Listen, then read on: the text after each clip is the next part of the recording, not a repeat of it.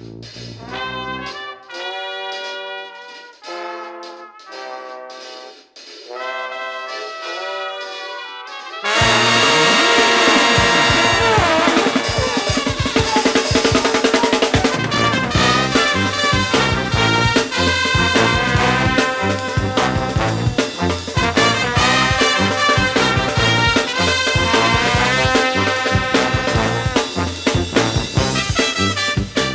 a chroeso i benod 24 o Ysbeidiau Heilo gyda fi, Lee Jones. A fi, Llwyd Owen, lle byddwn ni'n rhoi sylw i'r pethau bach sy'n neud gwahaniaeth mawr i ni yn y cyfnod hollol honco hwn. Ie, wir. Diolch yn fawr i chi am rando. Dyn ni yn bodlediad hollol anibynnol, felly dyn ni yn hollol ddibynnol arnych chi i lledeini'r gair da. Felly, os ydych chi mwynhau, dwedwch wrth eich ffrindiau amdano ni. Os ydych chi ddim, dwedwch wrth eich gylynion. Ac uh, cyfwch chi hoffi pethau ar Twitter ac i ddilyn ni ar Twitter at ysbeidiau heipod ac i dan ysgrifio ar pa bynnag uh, wasanaeth podlediad yw eich ffefryn. So llwyd be sy'n digwydd yr wythnos yma. Mae gennym ni westa arbennig. Oh my god, oes, big hitter y tro hwn. Uh, yn ymuno gyda ni heno, mae unigolyn sydd bron yn fath o holl bresennol o ran diwylliant poblogaeth Cymru ar hyn o bryd. Podgrefftiwr, comediwr, actor, cyflwynydd teledu a radio ac un o'r Jack Bastards mwy hoffus i fi byth cwrdd. y mawr i'r sioe i'r anfarwol Ellis James. Siwr i ti. Siamai. yn dda iawn. Lycwr syniad o fod yn anfarwol. Wel, ac yn holl bresennol fel dew. Ie, yeah, teg. Da iawn, mae'n rhywbeth am y National Record of Achievement. Wel, mm. well, well mae gen y ddau ohonych, Mae gen y ddau ohonych chi dudalennau Wikipedia yn does, so... Uh, Agos ti? Mae hwnna yn anfarwol. dim, dim fi sy'n gyfrifol am y, am y, am y tudalen Wikipedia. Dwi'ch ddim cael bod, na, na, dyna, dyna un o'r rheolau, dwi'ch ddim cael gwneud tudalen eich hun. Does dim syniad dy fi pwys gan oedd hwnna, a dim asian fi o dde. So just, ma, ma, fi'n ame bod fi'n gwybod, ond dyn nhw heb weid wrthau, so fi ffili cadarnhau os mae nhw o dde, neu byd o oedd na, oedd na ferch, oedd hi'n fan enfawr o gomedi mm. Prydeinig, oedd hi'n dod o Brazil. Wow. Oedd hi wastad yn mynd i ah. gyredin pob blwyddyn. A oedd hi'n lygo'r stwff o'n i'n neud, a oedd hi'n lyco'r stwff John Robbins, a pwy oedd hi'n lygo mwyaf? Um, John Richardson, oedd hi'n hoff iawn o John Richardson. A fi'n fi, fi, fi creu falle mae hi ddechreuodd, ond sain siŵr. A just, just guess yw. Ond ie, yeah, so... Um, os na gwen, uh, os na gwen gywir, dim bai fi hwnna. Sorry. so, uh, be di'r peth gweitha ti wedi cael ar Wikipedia? Be di'r peth gweitha bys yn gallu bod ar Wikipedia ti? Um, mae pobl yn gweud pethau fel... Um, maen nhw'n newid e o, o nawr ac yn y man, a mae fe'n gweud pethau fel, you know, he's one of Goki's Agotic Monkeys, chief groupies, etc, etc. it's the kind of, it's the in-jokes, yeah, the fath yeah, mawr yeah, beth. Yeah. Ond sa'i wedi bod yn Wikipedia ers amser hir, so sa'n gwybod beth sy'n fe nawr. Gobeithio bod ni'n gwaith na hwnna. Un o'r pethau cynta. Yeah, he's Carmarthen's, yeah. He's Carmarthen's beth, second, second criminal. Carmarthen's second most famous comedian. Wel, mae'n anwyr. Y peth gorau and y Wikipedia di yw'r ffaith bod dy fam yn gweithio gyda tad Rod Gilbert a mam Eros Childs. Fi'n absolutely Sydd yn ma'n anwyr. Ma'n anwyr, ie? Fi'n caru'r ffaith yna, ma'n briliant. Oedd yn anwyr, ie, ie. Yn Coleg y Dryndod, cyfyrddin, ie. Nawr oedd ta, nawr oedd ta drod yn gweithio, nawr oedd mam Eiros yn gweithio. Yeah. Dwi'n ddim yn gweithio yn yr agor, ond... Uh, yeah, back in the day. All right then, wow. hey. Newn ni kick ni... off, de. Lee Jones. Beth yw'r cwestiwn mawr yma sydd gyda ti ofyn i, i Ellis James? Dyma'r cwestiwn. Mae pawb eisiau gwybod beth yw dy hoff gaws di, Ellis uh, bosan. Achos oh. rwy'n dod o'r ugeinfed ganrif. um, na, uh, dw pa? Be? Dw ma, ma, dw yeah, mae Lloyd yn googlo hwn. Sut ti ddim yn gwybod be di bosan? Come on nawr. Ti'n gwybod beth? Fi'n fi cofio y, y catchphrase. Ond yeah, on sa'n meddwl bod fi byth wedi pwyta ar bwsan. Dw Bosan. Mae fe dal ar gael. Chi, chi dal yn gallu prynu bwsan.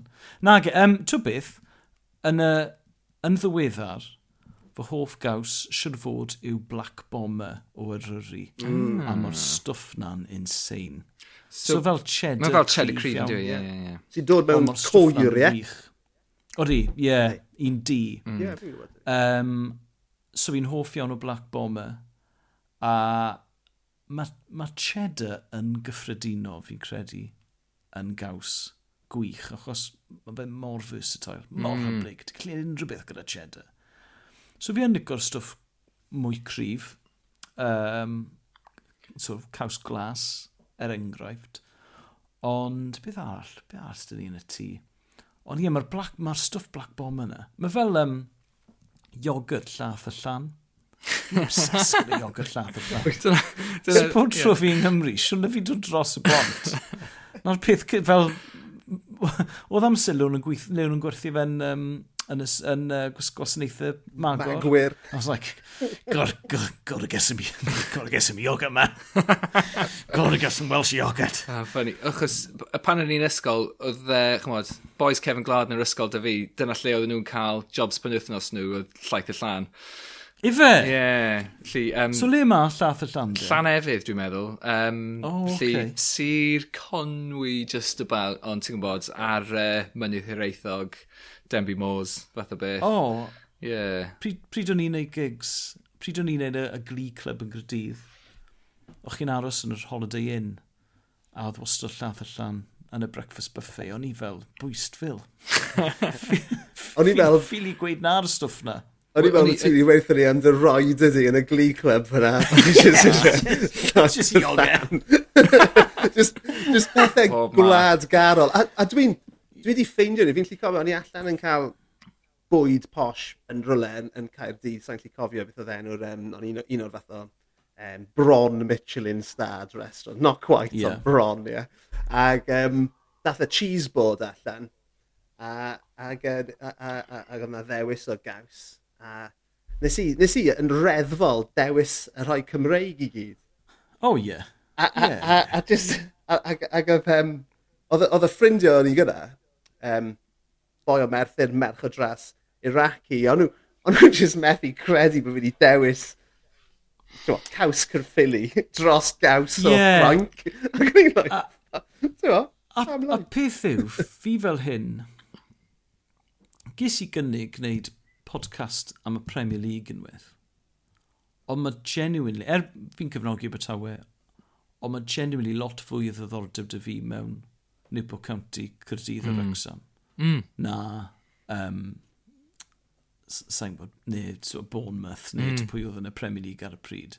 Mae lot gwyllt y fi darllen am, neu, neu gorfod gwylio yeah. y, y clybiau well, Cymreig. A, a, a, wel, achos dyma'r thing, o'n i arfer byw yn Leighton, ag um, oedd, chymod, pob dydd Sadwrn pan yna gêm ymlaen yn Leighton Orient, oedd, chymod, oedd y lle yn adfywio, a pob hyn a hyn, oedd, oedd na just rhyw teimlad hollol wahanol am y lle, a oedd hynny'n digwydd pan oedd Wrexham yn chwarae nhw. Ac oedd na yeah, just yeah. llwyth, llwyth o bobl yn dod lawr, pubs i gyd yn llawn, pawb, pawb gyd ar y strydoedd, a chymod, oedd hynny, hwnna oedd be nath kind of troi fi at Wrexham ac i kind of dechrau dilyn Wrexham, achos o'n i, o'n i wedi gweld be, be mae Clwb Peldroed yn gwneud i cymuned lleol, chymod, Leighton Orient, a wedyn gweld, o, oh, dyma fans Wrexham, a dyma be maen nhw'n wneud, ac oedd hwnna fel, o, oh, waw, dwi eisiau, dwi'n gallu gwneud hynny. Tyma, fans grit y Leighton yeah. Orient. Pryd oedd um, Abertawe yn cael trwbl mawr gyda'i um, gyda'r person oedd yn berchen o'r clwb Tony Petty mm. i gymryd yn ôl nath, dath fans Leighton Orient i'r fetch a dyla banner ma mawr lan oedd yn gweud petty out. Oh, Rwy'n wow. gret, fi'n hoff, fi hoff iawn yeah, o fans yeah. Leighton Orient. Fi wedi bod i Brisbane Rook weithiau. ond y peth yw, ti'n ffili rili really troi hwnna bant, a fi'n credu mae hwnna'n mm. dod o'n rhieni siwr o fod fel, os o'n i'n, o ffrindiau da iawn gyda, gyda mam a dad o Linden, so ambell waith o'n i'n dod lan i visito, achos oedd, oedd mam di dysgu yn Linden yn y 70au. Um, a byddwn ni'n mynd i sort of Regent Street, just fel mae twristiaid yn gwneud. Mm. A byddai dad yn gweud John Nash, nath ei treulio amser yn gwerddi. fe, fe, fe, fe, fe oedd y pensaer oedd oedd yn gyfrifol am Regent Street, fe nath Buckingham Palace, nath ei treulio amser yn gwerddi. Os ti wastad yn cael y stwff na, fel os ys band newydd o Gymru, byddai mm. yn cymryd lot fwy o ddiddordeb. Ie, ie, ie. Um, Sa'n gwybod, band newydd, neu comedian newydd, os oes comedian mm. newydd o Gymru, byddai yn cymryd diddordeb Ie, ie, ie. mawr. Ie, mae'n bwyd. Mae'n ddiddorol beth, bach chi'n gweud ni, achos fi'n fi sicr yn mynd yn mwy gwladgarol wrth bod fi'n mynd yn hun hefyd. O, fi hefyd, ie. Yeah. Um, Mewn ffordd... Do'n i ddim. O'n i'n cymryd yng, yng Nghymreictod yn, yn ganiataol iawn. Um, fi'n meddwl tan bod fi'n cael plant, i fod yn mm. onest. Mm. Fi'n credu o'n i'n... Bydden ni... Bydden ni bach yn embarrass nawr tasyn ni'n... Tasyn fi yn, yn, yn un ar bymtheg yn gallu gweld rhoi'r pethau fi'n gweud nawr yn, yn ddeugen. Byddai'r Elis sy'n un ar bymtheg, like, fucking get a grip, mate. Ond ife, ife just troi mewn i dy dad, o'i ti? Yeah, should have thought. That was ni'n neud. Wel, achos symud e i Linden o ddeu fi, Um, yeah, yeah. Nath ni just kind of roi perspective newydd ar fy Nghymreig dod i. Um, a just kind of... Achos dych chi'n... Dych chi'n chymod, mae pawb o'ch cwmpas chi o rhyw ddiwylliant neu dras gwahanol a mae'n kind of, mae'n golygu lot mwy i kind of, i, i cael rhywbeth Odi, gwahanol, chymod? O'n i yn y parc heddi, um, yn ei Llundain, a so oedd sawl person siarad iaith o'n i ddim yn deall. A oedd un hen fwy, ty cu y plant yma, cocni yn amlwg o'r ardal – twod, wedi geni y gi. A twyd yr ystrydau bod cockneys yn chirpy. Boi ma mor chirpy. You having another go on that slide? Yeah, of course you are. Come on in. Down you come. Down you come and up you go and down you come. You're having a great time on that slide. I've fi'n meddwl, dwi'n tygu fi fel na. Dwi'n dychmygu pa mor hapus byddwn ni fel plentyn. Ond mae'n fi'n fi nabod Rob Beckett yn dda, mm -hmm. a mhm. mae Rob yn dod o dde Llundain, a oedd e'n gweithio mewn marced, mm. fel, to, marc, oedd e'n gwerthu ffrwyth yn rhywbeth fel crwtysgol. Pen, look, oh, eh, look at it, strawberries, pen, yeah. look. Mae gen, like, yeah, ma gen ni... We are a um, chirpy people. Yeah. Mm. Mae gennym ni un um, ar farchnad yn East Ham lle dwi'n byw nawr, a mae fe jyst yn mynd, mae'n ma amazing. O'n i wedi syni bod e, mae'n just rhyw hen ddyn gyda rhyw llais croaky ofnadwy, ac um, o'n i wedi syni gweld e ar ôl y lockdown cyntaf, achos o'n i'n meddwl, rai, mae boi ma'n mynd allan, dys dim ffordd mae fe'n yeah. goroesi. Ond mae ma fe dal yna o hyd, a, a pob tŵr chi'n cered lawr yna, mae'n jyst yn mynd, have a look, have a look! That's amazing. O'n i'n dlir boen oedd yn gwerthu ffrwythau ar bwys y Prince of Wales yn Grydydd. Yeah. Uh, pound your straws for a pound! pound your straws for a pound! O'n i'n meddwl, oh, just dlir. Oedd yn arfer bod... Ond yna rhywun bod marchnad, lle mae St David's 2 nawr, ffordd na, oedd yna'n arfer bod marchnad awr agored yng Nghyrdydd tan probably 15 mlynedd yn ôl. Ie, ie. Oedd hwnna jyst yn, yn real, chi'n fel rhedeg y gauntlet yma o yeah, fatha, yeah. o'r, or acenion Caerdydd mwyaf fatha. Ti'n bod, amrwyd. straws for a pound?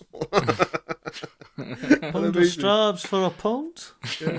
Mae'n un wrth y Prince of Wales nawr, mae'n arall lawr ochr gweilod Queen Street hefyd. Yeah, Mae'r yeah, ma, yeah. ma, ma, ma, ma stondinau yma wedi cael ei just gwasgaru nawr. sy'n Ie, really... yeah, fel... Um, fi'n fi nabod yr un, wel, sa'n nabod, ond fi'n gwybod pwy ti'n meddwl yr un sy'n ar wylod Queen yeah. Street, achos un o'r un o fel y sefydliadau mwyaf cyrdydd oedd lawr ochr na o Queen Street oedd y Park Vaults, ti'n cofio'r Park yeah. Vaults pub?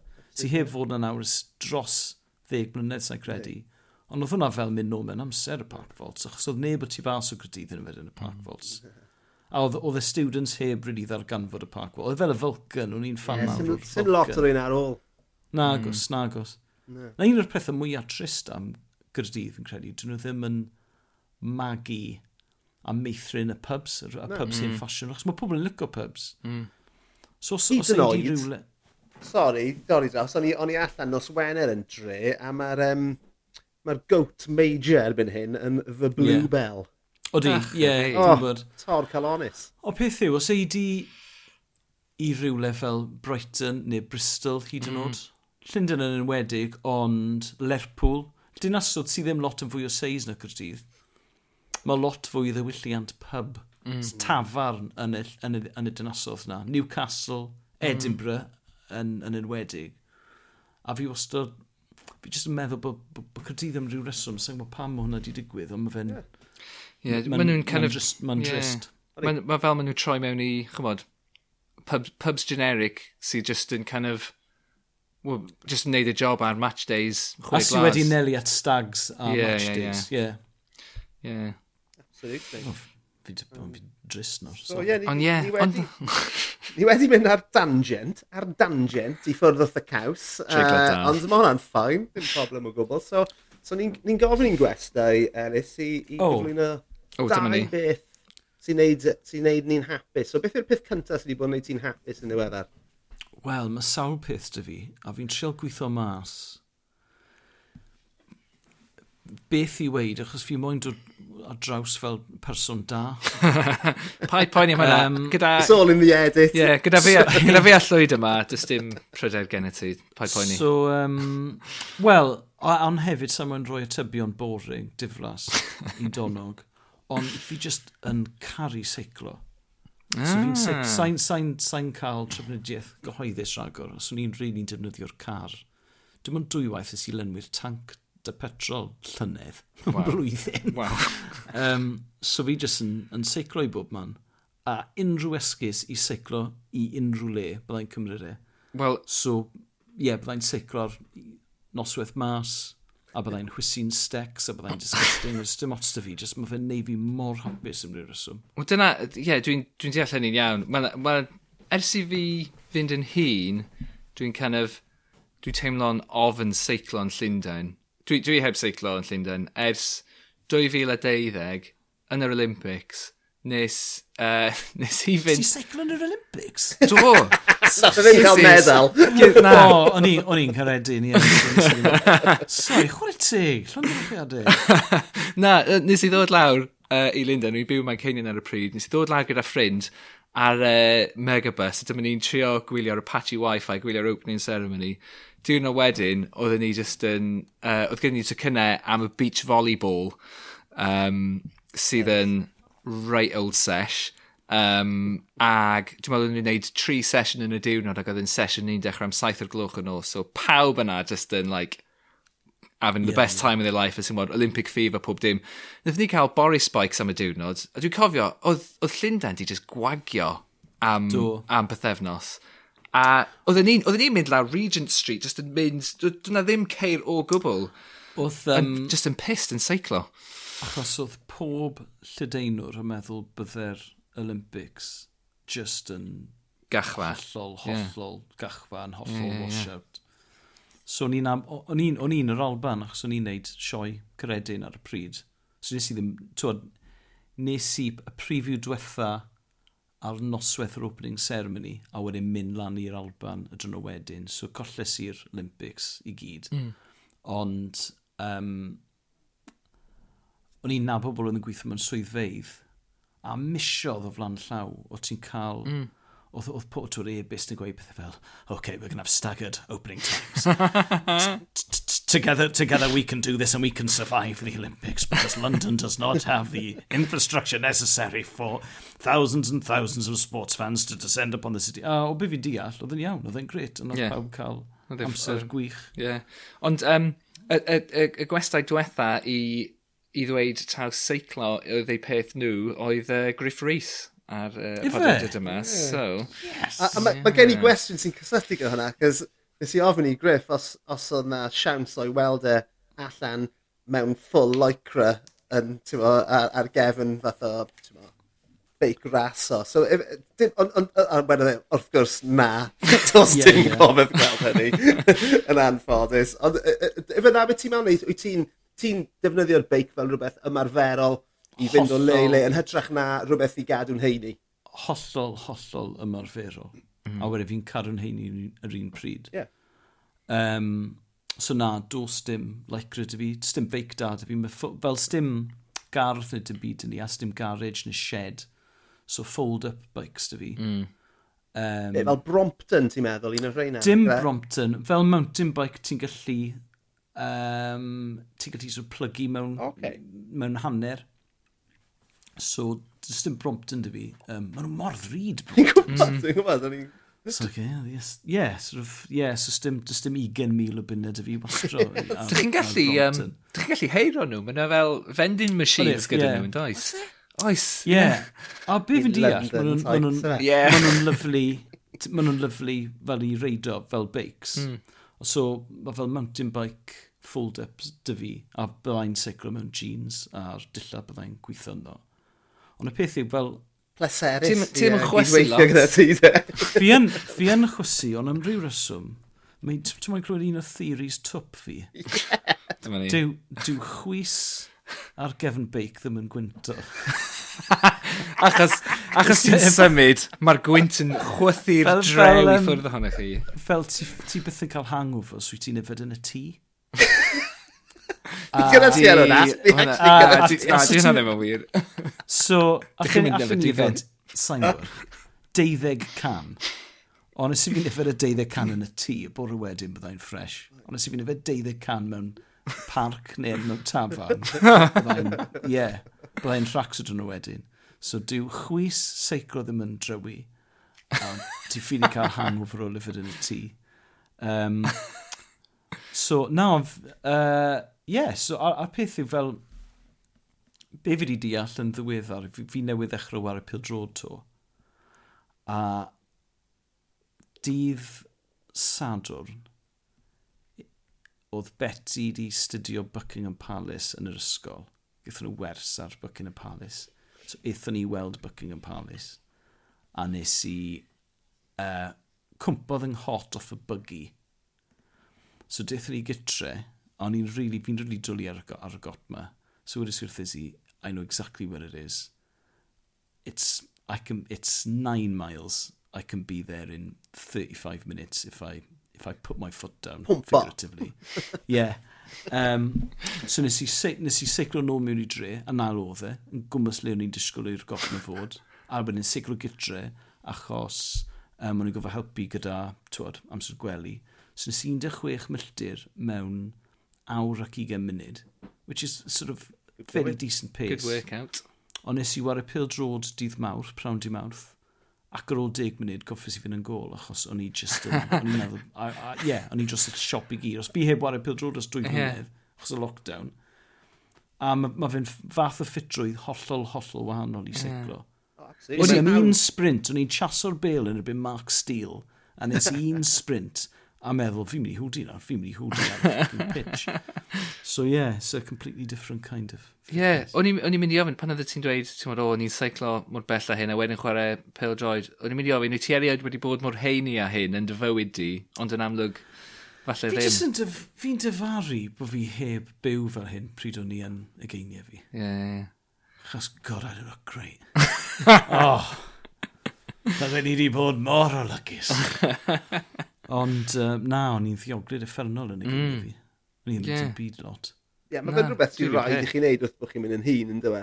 Mae ma, ma, yeah. ma, ma, ma, ma fe'n gwawri arnoch chi. yeah. mae'n rhaid i chi wneud Odi. rhywbeth i gynnal y corff yma. Achos y peth yw, fi'n cofio fel...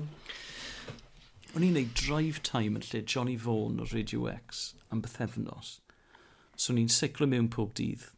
So nes i seiclo rhyw, rhywbeth fel can milltir mewn wythnos dros bythefnos. Mm. So, hmm. so 200 milltir mewn bythefnos a na'r mwy o te fi wedi bod ers fi fod yn ddeunaw yn rhywbeth. Goffes i prynu, goffes i prynu trwsus newydd a shorts newydd. A wedyn nes i briodas a cael un fel sesh yn tanko.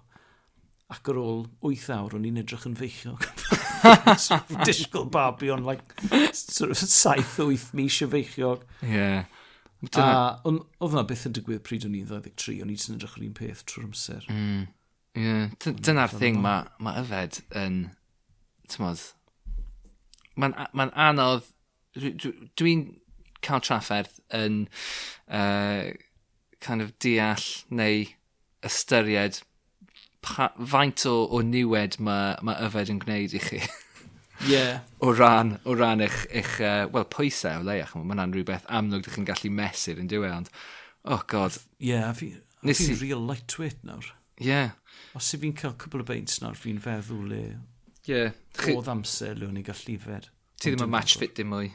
Na dw, Nadw, nadw. Mae ma, ma hwnna hefyd yn mynd law yn llaw gyda plant bach. Ydy. Fi'n di cofio teimlo'n rhywbeth tebyg, just fel, dwi'n e just ddim werth e, right? Amser bach plant ti'n codi am Andy pimp y bore. dwi'n e just ddim werth cael pedwar, pedwar can gytre. Ond, pyrch poen i boes, byddwch chi'n oreit, rwch ddeg mlynedd i chi na. Be fi rili moyn yw i ryw wyddonydd, neu rhywun sy'n rili really gwybod beth maen nhw'n siarad amdano i weid pam, yn eich 30au hwyr a'ch 40au, chi'n dechrau cael hangovers seicolegol. Mm-hmm. so nawr, y bore wedyn, byddai'n anxious a byddai'n meddwl, nes i weid rhywbeth top. a rwy'n dad gwael, a rwy'n ffrind gwael, sa'n berson da. Le, pryd o'n i'n 27, oedd hwnna byth, byth, byth yn digwydd. A mae hwnna'n byth hollol newydd mm. yn y sort of tair mlynedd diwetha. Le y dwrnod wedyn, byddai just yn, bydd e gyd yn, dwi, dwi e ddim hyd yn oed yn gorfforol, byddai ddim yn teimlo'n sic, neu bydd e dim pentos da fi byddai jyst yn teimlo, oh. na teimlo fel y person gweitha well, mae gen... yn y byd. Mm, a dwi e ddim, dwi e ddim yn spot record. Na, mae gen i hynna i edrych ymlaen ati. Dwi'n digon, digon ifanc. Ti'n cael psychological hangover llwyd? Um, ydw, ond... Um, yes! Yes! Ond fi'n meddwl bod hwnna jyst yn just eiddfedrwydd yw hwnna, reit? A, a, a, a, a poeni am bobl arall yma, yn y gyd. Yw hwnna, ond... Ie, poeni am siarad am hwn. Bach o empathy a, a, a bod chi ddim yn gist yn meddwl am eich hunan fel canol y byd fel o ti yn, yn eich egeiniau, fel o'n i gyd yn. O'n i'n so... siarad am hwn gyda Esil Sears, actually, yn ddiweddar. A pryd ti'n 25, ti fel arfer yn byw gyda pobl eraill. Mm. Mhm. So gwir nawr bod tri neu bedwar o'ch chi'n byw mewn tŷ, a chi'n mynd mas yn osadwn a chi gyd yn meddwi, a chi'n neud rhywbeth twp drwy'n wedyn ar y dysil, pryd chi'n meithrin y hangover a chi'n mynd mas i gael burger chep rhywle, a chi'n... Byddwch chi'n chwerthin am bywyd o'ch chi drwy'n y noswaith cynni, a mae fe'n rhan o'r broses. A os oes unrhyw fel post-lash anxiety, chi'n chi gweithio, chi'n prosesu fe yeah, gyda yeah, yeah. yeah, Mae ma fel therapy, ie, yeah, ie. Yeah. Mae fel therapy, le nawr, byddai'n mynd mas, byddai'n gweud rhywbeth twp, A wedyn byddai'n dyn o lan am 5.46, so gofod rhoi shreddies mewn bowl plastig i blentyn drwy blwydd oed. Ie, a ti ddim yn gallu prosesu no. gyda nhw. Ti ddim yn gallu uniaethu gyda hwnna. Ie. Yeah. Gwrando, Steph, nes i wedi rhywbeth rili topni. Nes i wedi rhywbeth topni thor ma'n flin dy fi. Sa'n dad da. Fi'n meddwl hefyd, mae'n ddiddorol beth i'n gweud am bod chi yn byw ac yn, neu, neu o leian, yn gweld mwy o'ch ffrindiau amser chi'n ifanc ac yn, ac yn yfed ac yn dod dros dy fewn. Hefyd, cyn belled daw daw dim chi oedd y gweitha a'r mwyaf yeah, embarrassing. Ie, yeah, yeah. Mm. oedd e'n ffain, achos, oh, yeah, wel, o leia, o'n i ddim yes. mor wael a fe neu hi. Yeah, Ond erbyn hyn, erbyn yeah. hyn, ti wedi cael dy ynysu, reit? Mae pawb yn mynd allan, chi'n neud beth byddwch chi'n neud, a chi'n mynd gartre, a wedyn chi ar ben eich hunan yn stiwio dros rhywbeth falle bod ti wedi gweud allan o le. A, a sy'n neb arall wedi meddwl am beth. Na beth yw e. na beth yw we. A bydde dy ferch di sy'n wych mwydd o byth yn gweud, o, oh, pan y becson nes i wedi rhywbeth lot fwy twp. Bydd i jyst yn gweud, ie, yeah, o'n i lan tan hanner diwyth yn darllen Tracy Beaker, dad. Pam wedys ti na, you absolute losers, disgusting behaviour. Oh, dyna beth yeah, I mean, fi, fi, i, i roi cyd-destun, fi wedi dod off pedwar fath o sesiwn, dim masif, ond ped, ped, fi wedi, fi wedi, fi wedi bod yn yfed yn reit drwm am ers nos iau tan neithiwr. So, mae ffrindiau draw a werddon, classic oh, stereotype. yeah. so, so nes i, nes i, ti'n bod, dim, dim dros ben llestri. Wel, nos, nos, nos Wener yn eitha dros ben llestri, ond nos iau, nos Sadwrn, nos Wener, o'n i ddim anghofio bod nos Wener yn bodoli, nos, nos iau, nos Wener, nos Sadwrn, a nos Sil, ond ag heddiw, ie, yeah, o'n i'n teimlo just yn... Um, Fregus. Shit. Yeah. Ond... Oh, just, I just grumpy. A yeah, yeah, just, yeah. A dim, dim yn hungover, just yn fucking mood. Mm. Yeah, trwy, yeah, yeah. Dydd. Tam bod fi'n dod online gyda chi. a stym byd ar ôl, stym byd yn y tank. Na. So, os so, rhywbeth bach yn mynd o'i le, mm. chi'n ffrwydro wedyn. Mm. A gorau mateb. Chwbeth, sa'n credu gallwn ni, gallwn ni fy mas fyna, rhagor. Just dim dyfu'r, ie. uh, yeah Sa'n ddigon. Dim dewis dda fi. Dim dewis.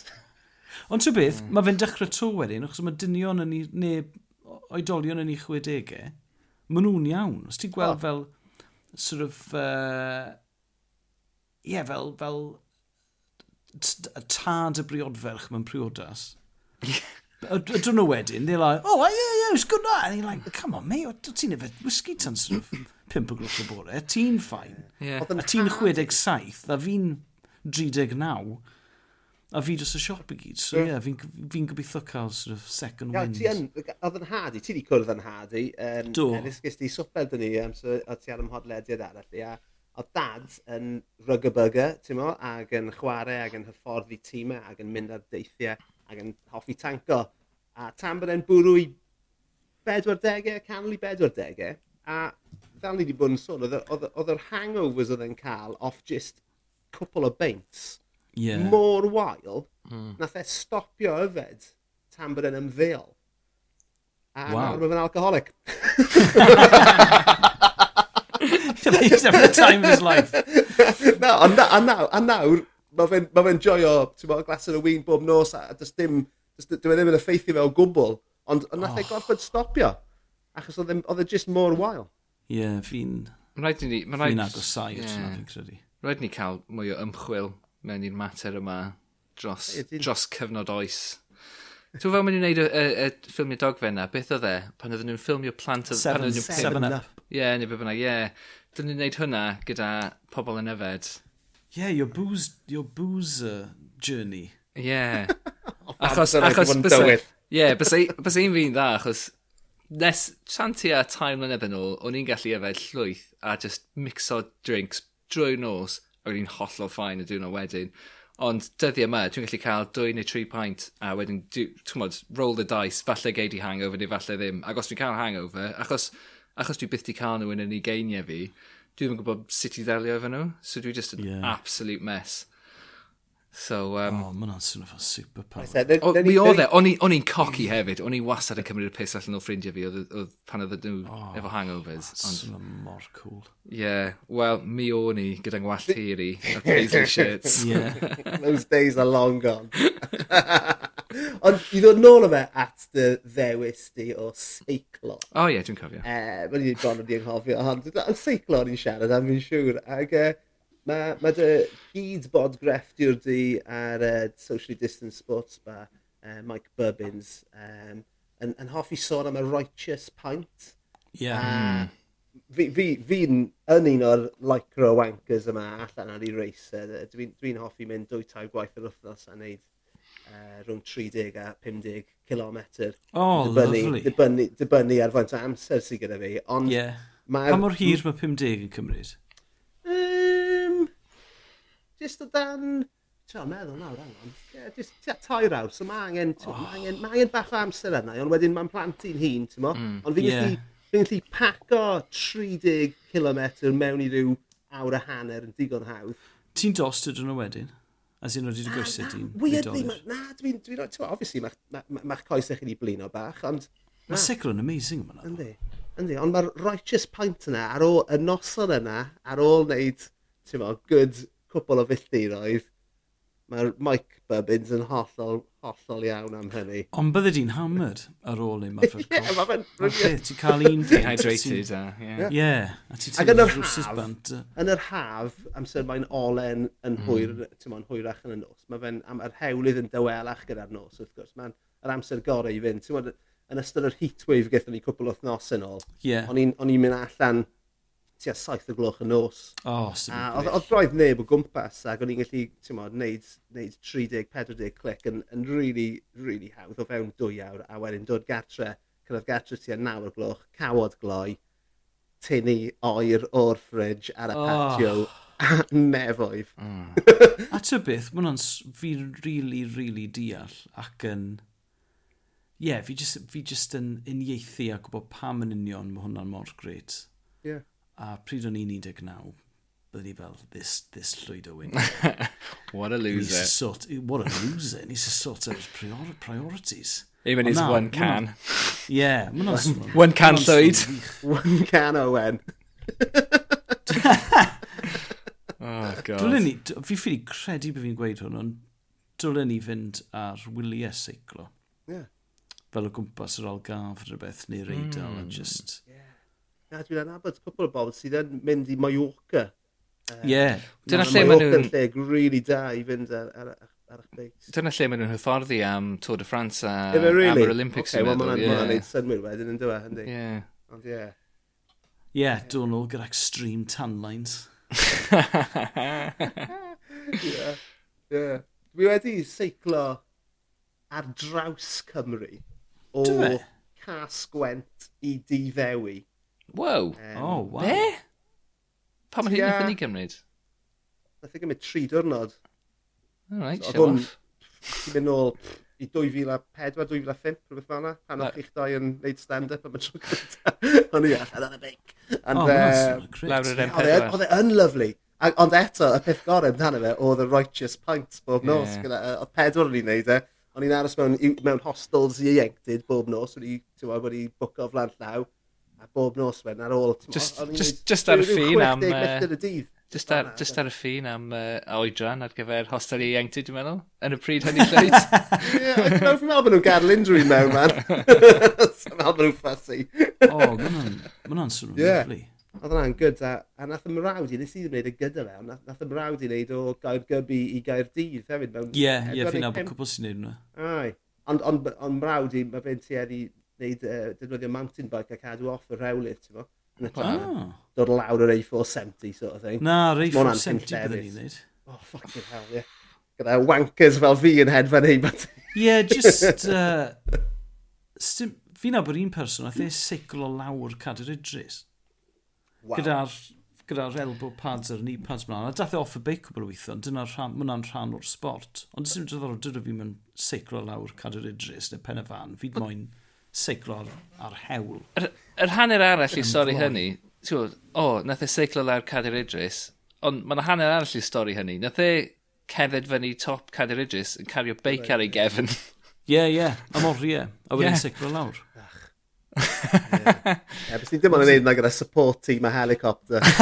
Domestic. Ond dyna'r thing, maen nhw'n dweud, ti'n bod, pan ti'n uh, cerdded ar, ar fynyddoedd, Mae mwy o anafiad yn digwydd pan ydych chi ar y ffordd lawr, achos ydych chi'n stopio canolbwyntio. Ie, yeah, ie. Yeah. Um, ond dwi'n meddwl, falle ydych chi'n dechrau canolbwyntio os so ysgynnych chi feic. So, yeah. mae'n probably mwy ddiogel i fynd lawr Cadr Idris ar beic nag yw i cerdded nhw lawr.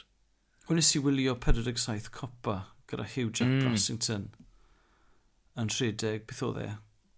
Can, can kilometr neu rhywbeth neu rhywbeth. Ie, yeah. yeah, mewn 24 awr, yeah. 47 copa yn yr yri.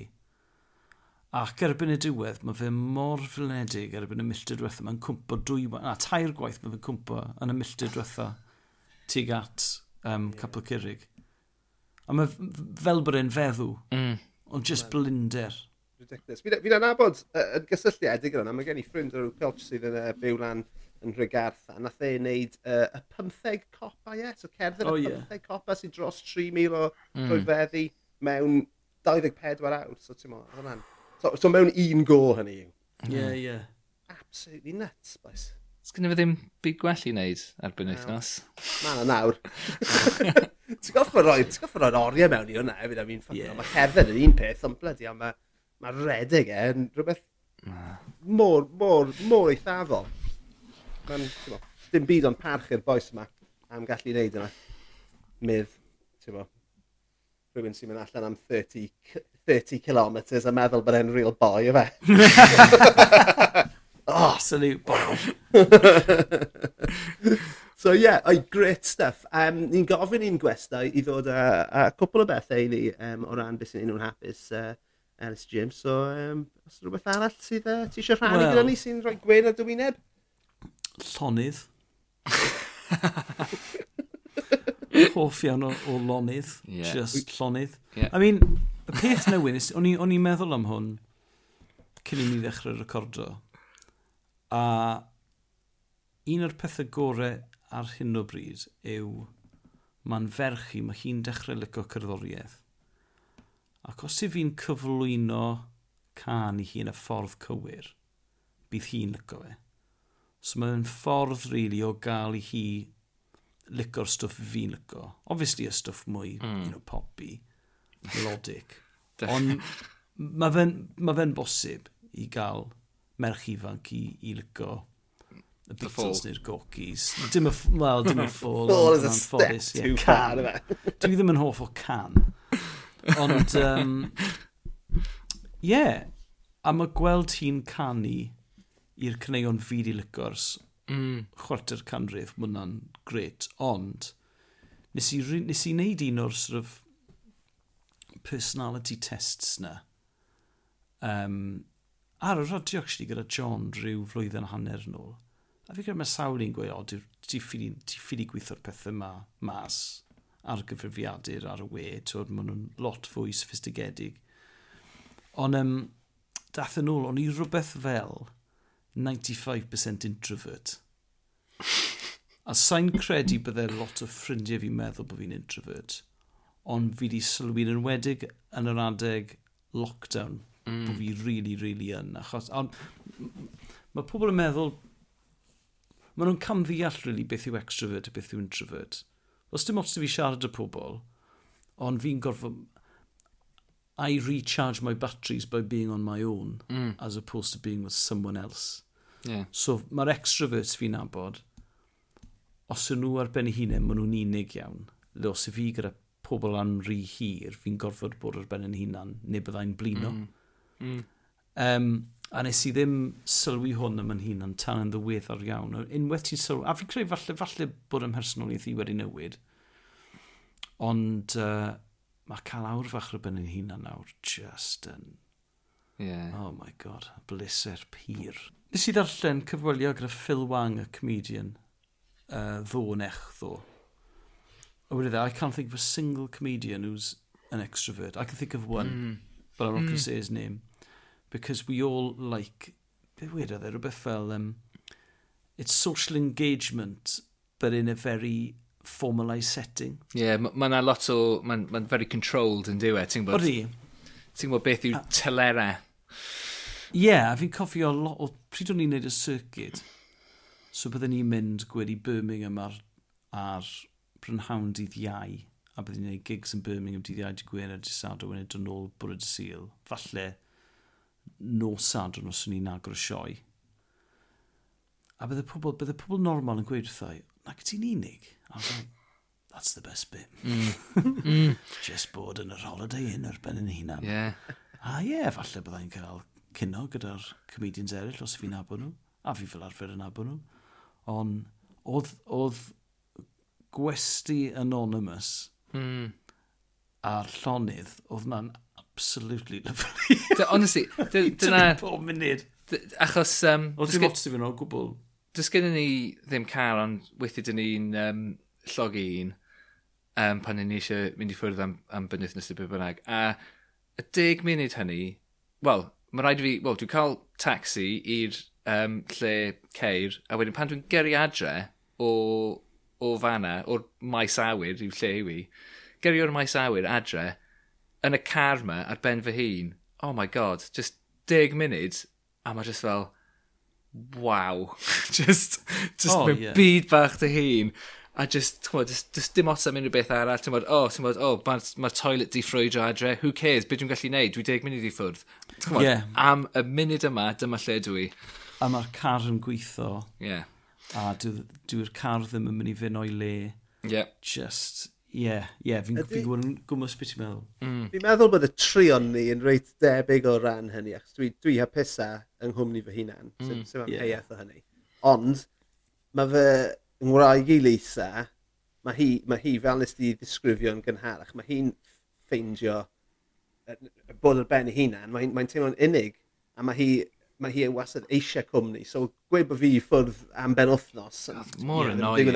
Ond wneud hi gael ffrindiau draw. Ie, yeah, ie, yeah, Wneud hi lenwi'r tŷ gyda, gyda pobl. Yeah. Is he De, os, os, os dwi'n cael yng ngadael gytre, fi jyst yn mynd i'r shed. Os yeah, like, yeah, roedd yn gadael. Byddwn ni byth, byth yn cael pobl draw. Na, fi. Yeah, no, so, ydy, no. A, a, a mas o'r cwestiwn, actually. Yeah. So, y cwestiwn, y cwestiwn yw, ydych, ydych partneriaid chi um, i'r gwrthwyneb i, i, i chi? Ie, yeah, mae ma, ma really angen cwmni ar i Ie. Yeah. Mm. So, gallai hi fynd bant am wythnos a byddwn ni ddim byddwn ni ddim yn cael unrhyw un. Dwi ddim yn gweld neb. Ie. Ie, dyn ni wastad yn neud pethau dros y penwythnos. Dwi byth yn cynllunio unrhyw beth gyda ffrindiau neu dim byd, achos mae partner fi, Naomi, mae hi'n uh, mae hi wastad yn, yn planio stuff a dweud, right, dyn ni'n mynd i weld bobl yma ar ddi sad yn mynd i'r yeah, sil, yeah, dyn ni'n mynd i weld rhain. Mae fel, dwi jyst eisiau aros yn y tŷ. Ie, ie. Please, ten yeah. os tawl. O'n i heb, o'n i heb um, ystyried y ffaith bod bod hynny jyst yn rhywbeth hollol wahanol o ran ein uh, kind of personoliaethau ni. O'n i jyst yn meddwl bod fi jyst yn, chymod, ddiog.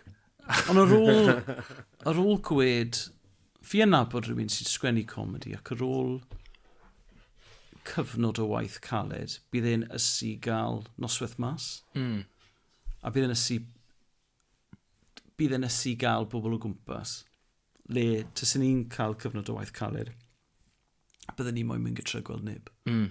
Yeah, yeah, yeah. Cos mae fe'n ail chargio i batteries gyda cwmni a fi'n ail chargio'n batteries trwy fod ar ben yn hunan. Mm. A na'r, gwan, na'r gwaniaeth rhwng introvert ac, ac extrovert. So sain, to, fi'n gallu cynnal sgwrs dy rhywun, fi sain mynd yn nerfus mewn siop neu dy byd, neu fi'n gallu siarad â chi a sain, sain dim ots dy fi bod fi'n bod ni'n cael sgwrs ac yn clybran o that kind of thing, ond on just y gwaniaeth yw, byddwn ni ffili, fel mewn priodas, le ti gyda pobl trwy'r dydd, byddai, yn, byddai yn minister mm. ar y tŷ bach am hanner awr. Just, just, just i gael llonydd, a wedyn byddai'n ffain. Ti'n ffain.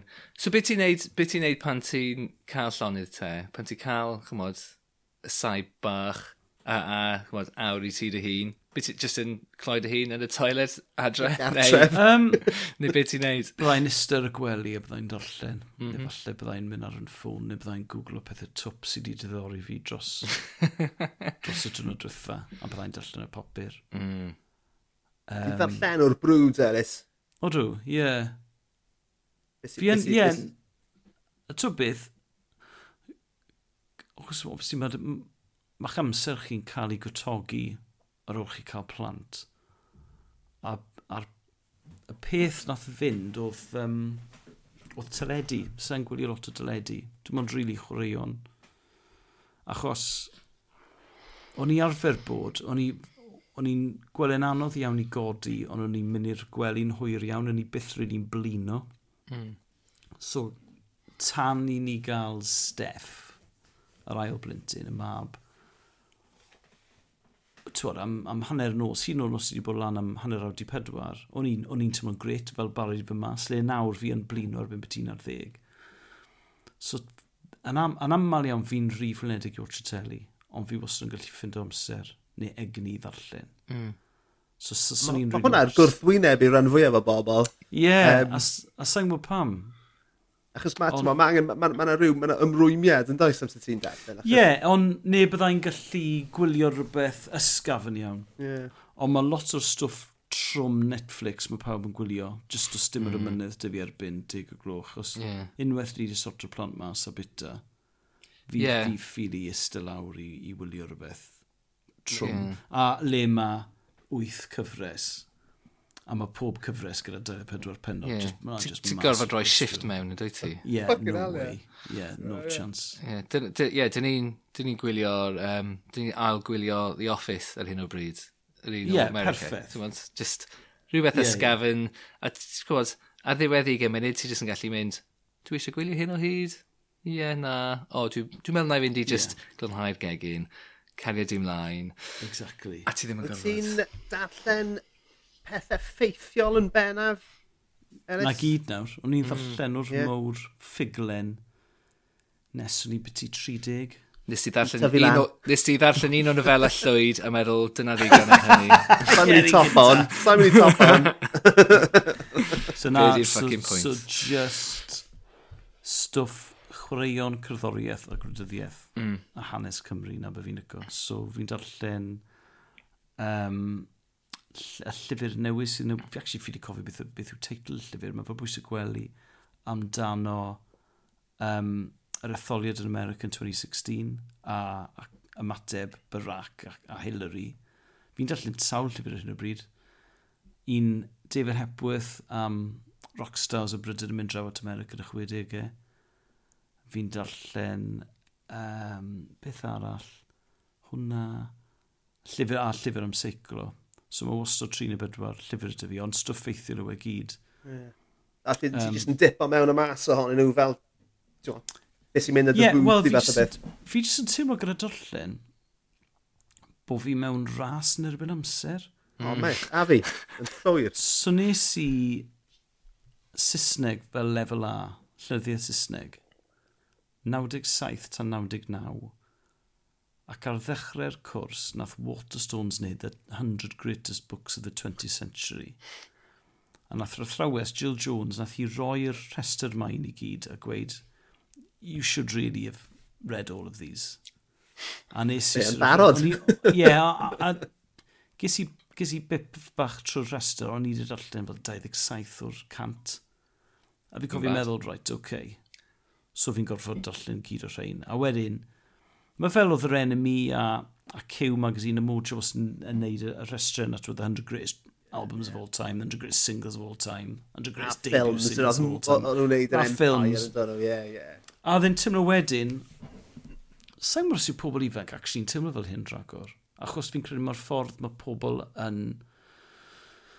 Mae'r pobl... Mae y ffordd mae pobl yn sort of delio gyda diwylliant, mae hwnna wedi newid, ond mm. pryd o'n i'n 21, oedd e'n embarrassing bod chi heb gweld, bod chi heb gweld y Godfather neu Apocalypse Now neu mm. whatever. So, os oedd y restrymau gael, fi credu rhywbeth siwr o fod i'n neud ar ffaith bod ni'n dod at ddiwedd y ganrif.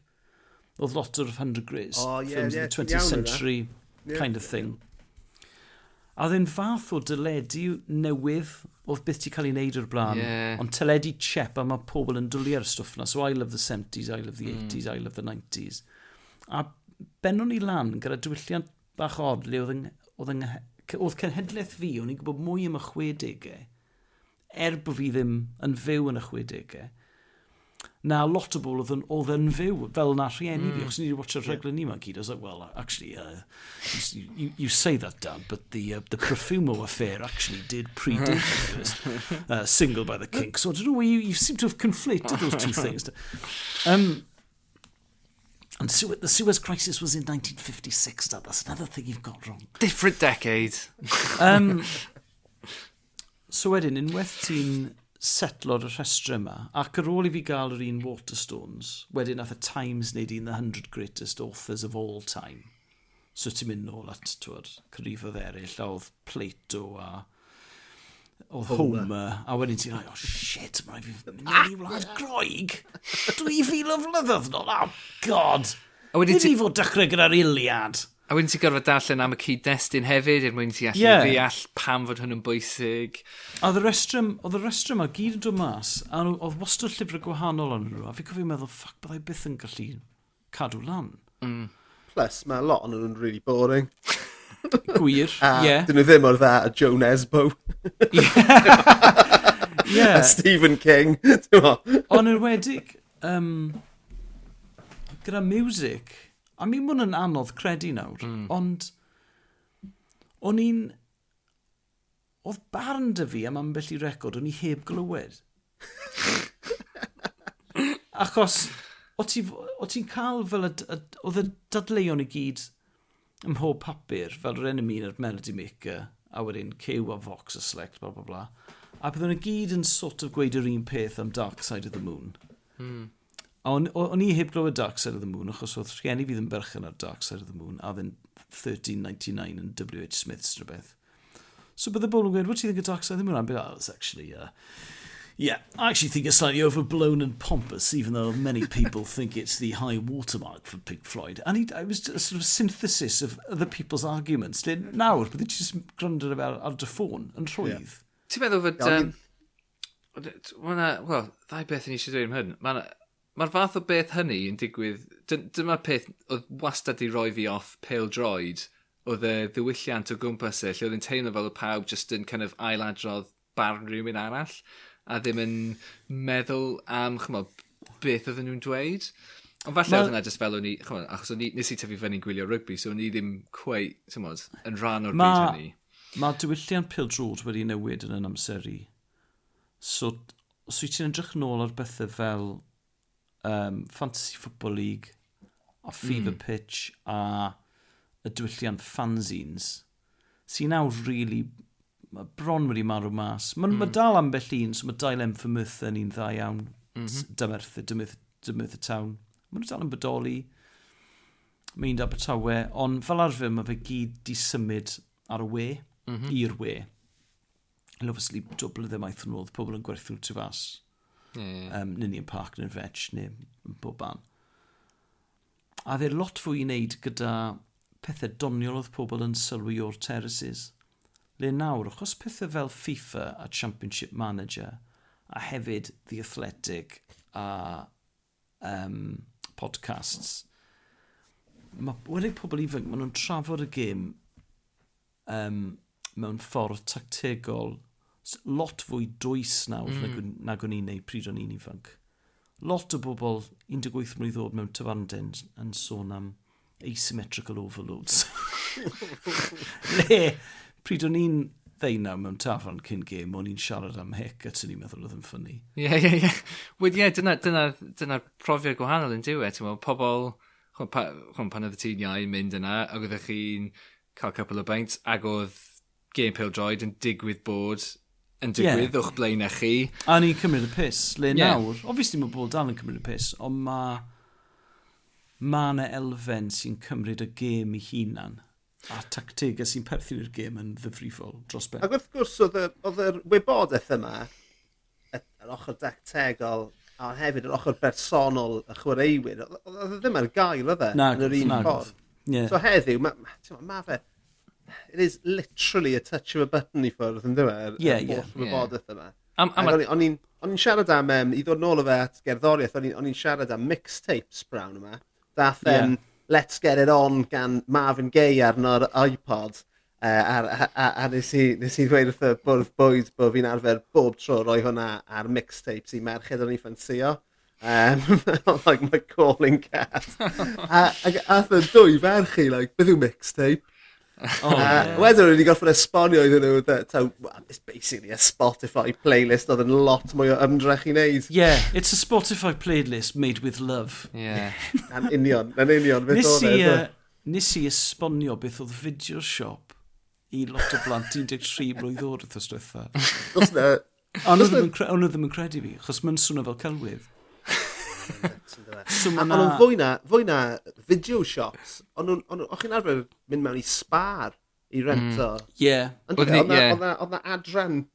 O'n i'n mynd lawr, o'n i'n mynd lawr y petrol station i gael fideos yeah. pob wythnos. Ie, yeah. yeah. mae Clwb Ieuenctid, fel mae Clwb Ieuenctid yn gyfyrddin, rwy'n Dr Ems, a nhw'n moyn dechrau podcast, y plant ifanc, sef 12-13, a gyfyn nhw i fi os o'n i'n fodlon mynd fel gwestai, bod fel gwestai ar, ar un cynta, ie, ie, Os o'n i'n visit mam a dad anyway. So plant, lyfryd, to, plant hyfryd, 13 mlynedd oed. A'r cwestiwn cyntaf gyfyn yn oedd, sut oedd yn tyfu lan yn gyfyrddin pryd o'ch chi oedran ni? A wedi si, wel, beth o'ch oedran chi 13, oce. Okay. Wel, pryd o'n i'n 13, o'n i'n mynd i Regent Video Shop ar Heol Awst. A o'n i'n rhentu fideos.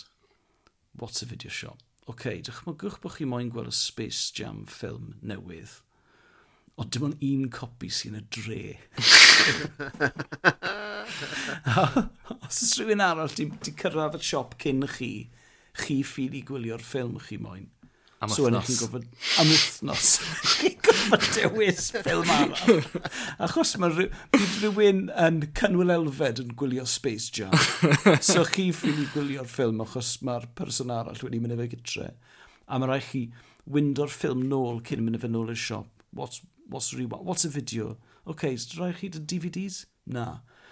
Ie, mae hwnna'n nuts. Mae hwnna'n dath. Mae DVDs yn hen fashion. DVDs mynd a dod mewn fel na, do? Ie, yeah, a wedodd y ferch modd i 13 wedi ddi so cyntaf i'r felyn on am ffilms. So, yeah. He just in stunned. well, why didn't you watch it on your laptop then? I said, because how I didn't have a laptop. Why not? Because no one had a computer. Why not? Because no one had the internet. Why? Could you not afford it? Because it didn't exist. What? What? a nhw just yn hollol gobsmacked. Yeah. O'n nhw... ffi... Oedd, a, a considering rate, o'n i'n... O'n i'n teimlo fel rhyw relic o'r ddeunawfed ganrif o'r bymtheg. Yeah. Dim byd, dim byd gwaith i deimlo fel ti'n hen nag i siarad y pobl ifanc, dwi'n meddwl. Na, ond y gwaniaeth yw, pryd o'n i'n pryd o'n i'n dechrau, pryd dechrau sy'n lyco cerddoriaeth, fel crwt ifanc, sort of, 14, 15. Oedd y fformat wedi newid, mm. ond oedd oedd y broses, oedd yr egwyddo yr un peth y pryd yeah, mam. Ie, mynd i siop a... Yeah. It was still yeah. physical copy. Yeah. So, ac oedd chi'n gallu benth... Yeah, benthyg gan ffrin neu rhywbeth. Na. A hefyd, yeah. oedd mam yn prynu vinyl. A 7-inch singles, na beth oedd mam yn lico. A oedd 7-inch singles dal, nes i prynu 7-inch singles, ond CDs fel arfer, neu cassettes. Ond oedd mam di prynu cassettes yn y 70 a hefyd, o'n i dal yn darllen Renemy, oedd mam di darllen Renemy. Mm. A, a oedd fanzines, oedd fanzines di bodoli ar samser, er samser punk. I gymlynedd mm. cyn i fi prynu'r fanzines. O'n i'n darllen mm. pethau fel Welsh Bands Weekly. Mm. Um, a so, er bod y diwylliant yn wahanol, oedd, oedd sort of oedd sylfaen y diwylliant yr un peth, physical mm. copies i gyd. Yeah, yeah, yeah. Ond nawr, ti jyst yn swnio fel bod ti'n mil... Fel bod ti fel bod ti wedi byw mewn amser sort of, yr oesodd canol yeah. yn siarad gyda person ifanc na. Just galwa e fi'n Moses. I mean, mae Lee yn gweithio yn, yn y diwydiant, right? Ond i, i fi sydd yn fan o gerddoriaeth, yn edrych mewn, mae yna ma, ma, ma gymaint yn cael i gynhyrchu a'i ryddhau. Mae'n ma, ma, ma actually'n amhosib cadw lan gyda popeth. A mae hynny yn wir jyst o bethau sy'n dod allan yn yr iaith Gymraeg er enghraifft. Mm. Mae Mae'n... Yeah. yn, Ti'n ma? Mae fe'n defi dyn, mae fe'n nuts. Na pam fi wastod mor impres gyda Hugh Stevens. Mm. Achos yeah. o ddifri mae um, ma brwdfrydedd Hugh am gerddoriaeth newid yw heb. Fi di nabod Hugh ers o'n i beti deunaw. Yeah. A mae fe'r un peth nawr o gwyddo prynu. Yeah just yr, yr ysfa yma i rando'r stwff a, ac i ddarganfod pethau newydd. Le... Ac, ac i rannu e hefyd. Ac ie. Yeah. Mae ma fe'n caru rhannu An, pethau. A mae fe'n curadu pethau. Mm. Le yeah. i bawb arall fi'n abod, twm hwnna'n arafu mm. mewn gyda gyda oedran, ond dim gyda fe. Dim gyda fe. Mae no. fe'n drysor cenedlaethol yn y marni, Hugh Stephen. Ydy, ydy. A, a, a, a un o'r bobl yna, ti ddim yn, ti ddim yn deall nes i ti gwrdd â fe, pa mor glen a charedig yw e. Ie, ie. A chymod, yeah. mae peth, ma pethau bach fel ni, just, um, chymod, mae'n bwysig iawn, ydyn nhw. Um, ond, twyd, oedd ffrindiau fi gyd yn obses gyda cyddoriaeth, ond mm.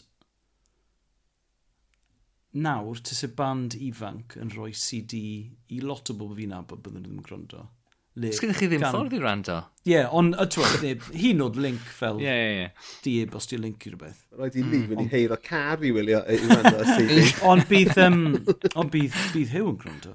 Bydd, yeah. bydd. Yeah. Gyda'r un prwf rhydedd oedd, oedd gyda fe yeah. blynydde maith yn ôl. Yeah. Amazing, really. Ie, Yeah, gwartig. Cari Hugh Stevens ar y pod yma, dyn ni. Um, mm. Ond ie, yeah. so, llonyddwch.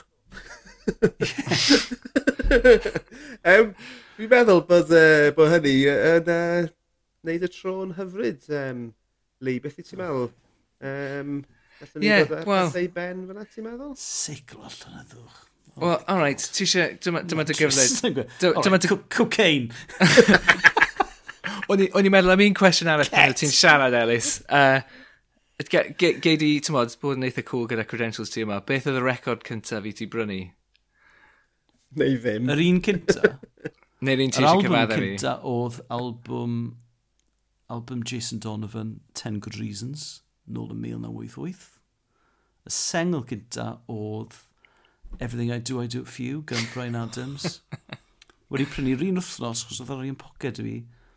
Uh, I will be, I'll be back gan Annie and the Terminators. Yes. yes. A, um, a sort of novelty single.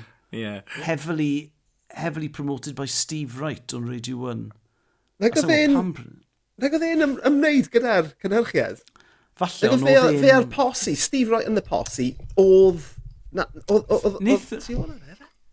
Fi'n credu ni, gyda nhw i ddiolch ar y clawr o beth fi'n cofio. Yeah. Ond oedd e'n gan mor... Sorry, sorry, nes i, nes i, nes i brynu um, Brian Adams, a wedyn nes i brynu Arnie and the Terminators, a gwrando ar Arnie and the Terminators cwpl o weithiau cyn meddwl, mae hwnna'n just be fi wedi fi wedi gwastraffu. Camgymeriad. Fi wedi camgymeriad. Ond um, on, on nes i ddim rili really dechrau prynu cerddoriaeth y stwff da mm. tan cwpl o flynyddoedd ar ôl ni. Yeah. Um, Ie, yeah, ond Jason Donovan oedd yr un gynta. Gwym Dennis Eisoes. Ti, ti definitely wedi redeemo dy hunan fyna gyda dy status cool. Beth y record cyntaf i, i, i ti prynu lleid? Wel, um, maen nhw, ti'n yr un mor wael na, fi'n lli cofio prynu album Wham. Um, Sa'n lli cofio beth oedd e enw fe, yr un gyda, ti'n bod, yr hits i gyd enw fe. Um, a fi'n lli cofio prynu Hits 3 gyda fy mrawd, o'n i'n arfer mynd halves o'r pethau. Ti'n yeah, siarad yeah. canol yr 80au. A wedyn, mae mrawd i bach yn hyn na fi, a nath e dechrau uh, gwrando ar y Manix. Really oh, yeah. Manix cynnar. So, o'n i wedyn yn, yn dechrau clywed y Manix. Um, a yw tant hefyd, fi'n lli cofio prynu oh, 7-inch plop-lops yw tant, achos oedd yw tant yn chwarae gigs yn yr ysgol, yn yr ysgol. i gael y yeah, plant yeah, yn cookies yn punk. Yeah. So, yeah, cookies yeah. obviously o Brymyrddin, so o'n i'n yeah. gyfarwydd o'r cookies yn gynnar iawn. Ie. Yeah, Amdano teulu, beth oedd dy record gyntaf di? Nes i, nes i brynu ddau sengl ar yr un pryd, ac un ohonyn nhw oedd uh, Chamber Wumber, Teb Thumpin, Oh, ie. Yeah. A llall oedd Double 99 Rip Groove, sydd yn glasur UK Garage. Sut uh, mynd? O, oh, fydde ddim canu fe. Mae fe'n... Google fe. Um. I don't know, fi eisiau gorffen y benod yma gyda Lee yn neud bach o... Yeah, come on, Lee. Toasting. Honestly, mae fe'n ma total... Ie, yeah, mae fe'n toasting sy'n digwydd yna fe. Um, Falle... Uh, na, dwi, dwi ddim yn mynd i... Dwi ddim yn gallu cofio. Dyna ni, dyna'r ateb. Dwi ddim yn gallu cofio. Dyna beth os ni'n dweud. Sweetness gan Michelle Gale, oedd di actor EastEnders hefyd. Mm. Nes i... Cam gymeriad, nes i brynu... Um, beth ydyn nhw'r album Elegant Slimming gan M People. Ah. Cymeriad mawr. Nath, nath ennill y Mercury Prize rhywsyd. Lot o, lot o rieni pobl yn pleidleisio dros hynny. Ie. yeah. Oh, um... Brilliant. Brilliant. Fel ni, dwi wedi cael mewn welediad i'n uh, fath o greiddiau cerddorol gwael mewn gyd. oh. A mae Harry Lee fel Lee dod allan na gyda bach mwy o kudos na ti a fi, Elis, ond e, dyna ni. o, oh, um, wam wham, yn union. Ond, ei, ei, man, ni jyst eisiau gweud diolch i ti am ddod arno i siarad gyda ni. Ni'n rili really gwerthfarogi. Ni'n gwybod bod ti'n boi ffernol o brysur. So, ti'n mo, os nag yw'n gr grandawyr ni, neu os mae'n grandawyr ni eisiau clywed mwy o loes melfedau Felis James, maen nhw'n gallu gwneud hynny ar lot fawr. Faint o bodlediadau ti'n neud dy hynna, Ti'n neud dau? Ti'n beth, dim ond yn, yn gyson tri. Na ni. Um, yeah, y sioe gyda John ar ffaif raif. Mae hwnna'n wythnosol, yn dweud, brawn i sadwrn. Prawn di Gwyner, a wedyn y Associate and Sports Bar gyda Mike Bobbins a Steph Guerrero, wedyn Ellis James's Feast of Football. Oedd, um, oedd yng Nghariad un eisiau i fi ofyn i ti cyn i recordio, um, wyt ti ag Izzy yn cael unrhyw amser gyda'ch gilydd rhwng uh, prydiau pan dych chi'n recordio podlediadau. na. Achos dych chi just yn just na, podlediad na. o hyd ag o hyd. Na, bydd hi'n y gwneud nawr. So, uh, yeah, edrych ymlaen i weld i'n y bore. Superb. Ei, diolch yn fawr iawn i ti, Ellis. Croeso. Um, chi'n gwrandawyr ni, jyst cadwch i rando ag i rannu ag i dan ysgrifio ag i'n dilyn ni ar ysbeidiau Heipod. A diolch i gyd am rando. Tan y tro nesaf. Ie, yeah, ta-ra. Ta-ra.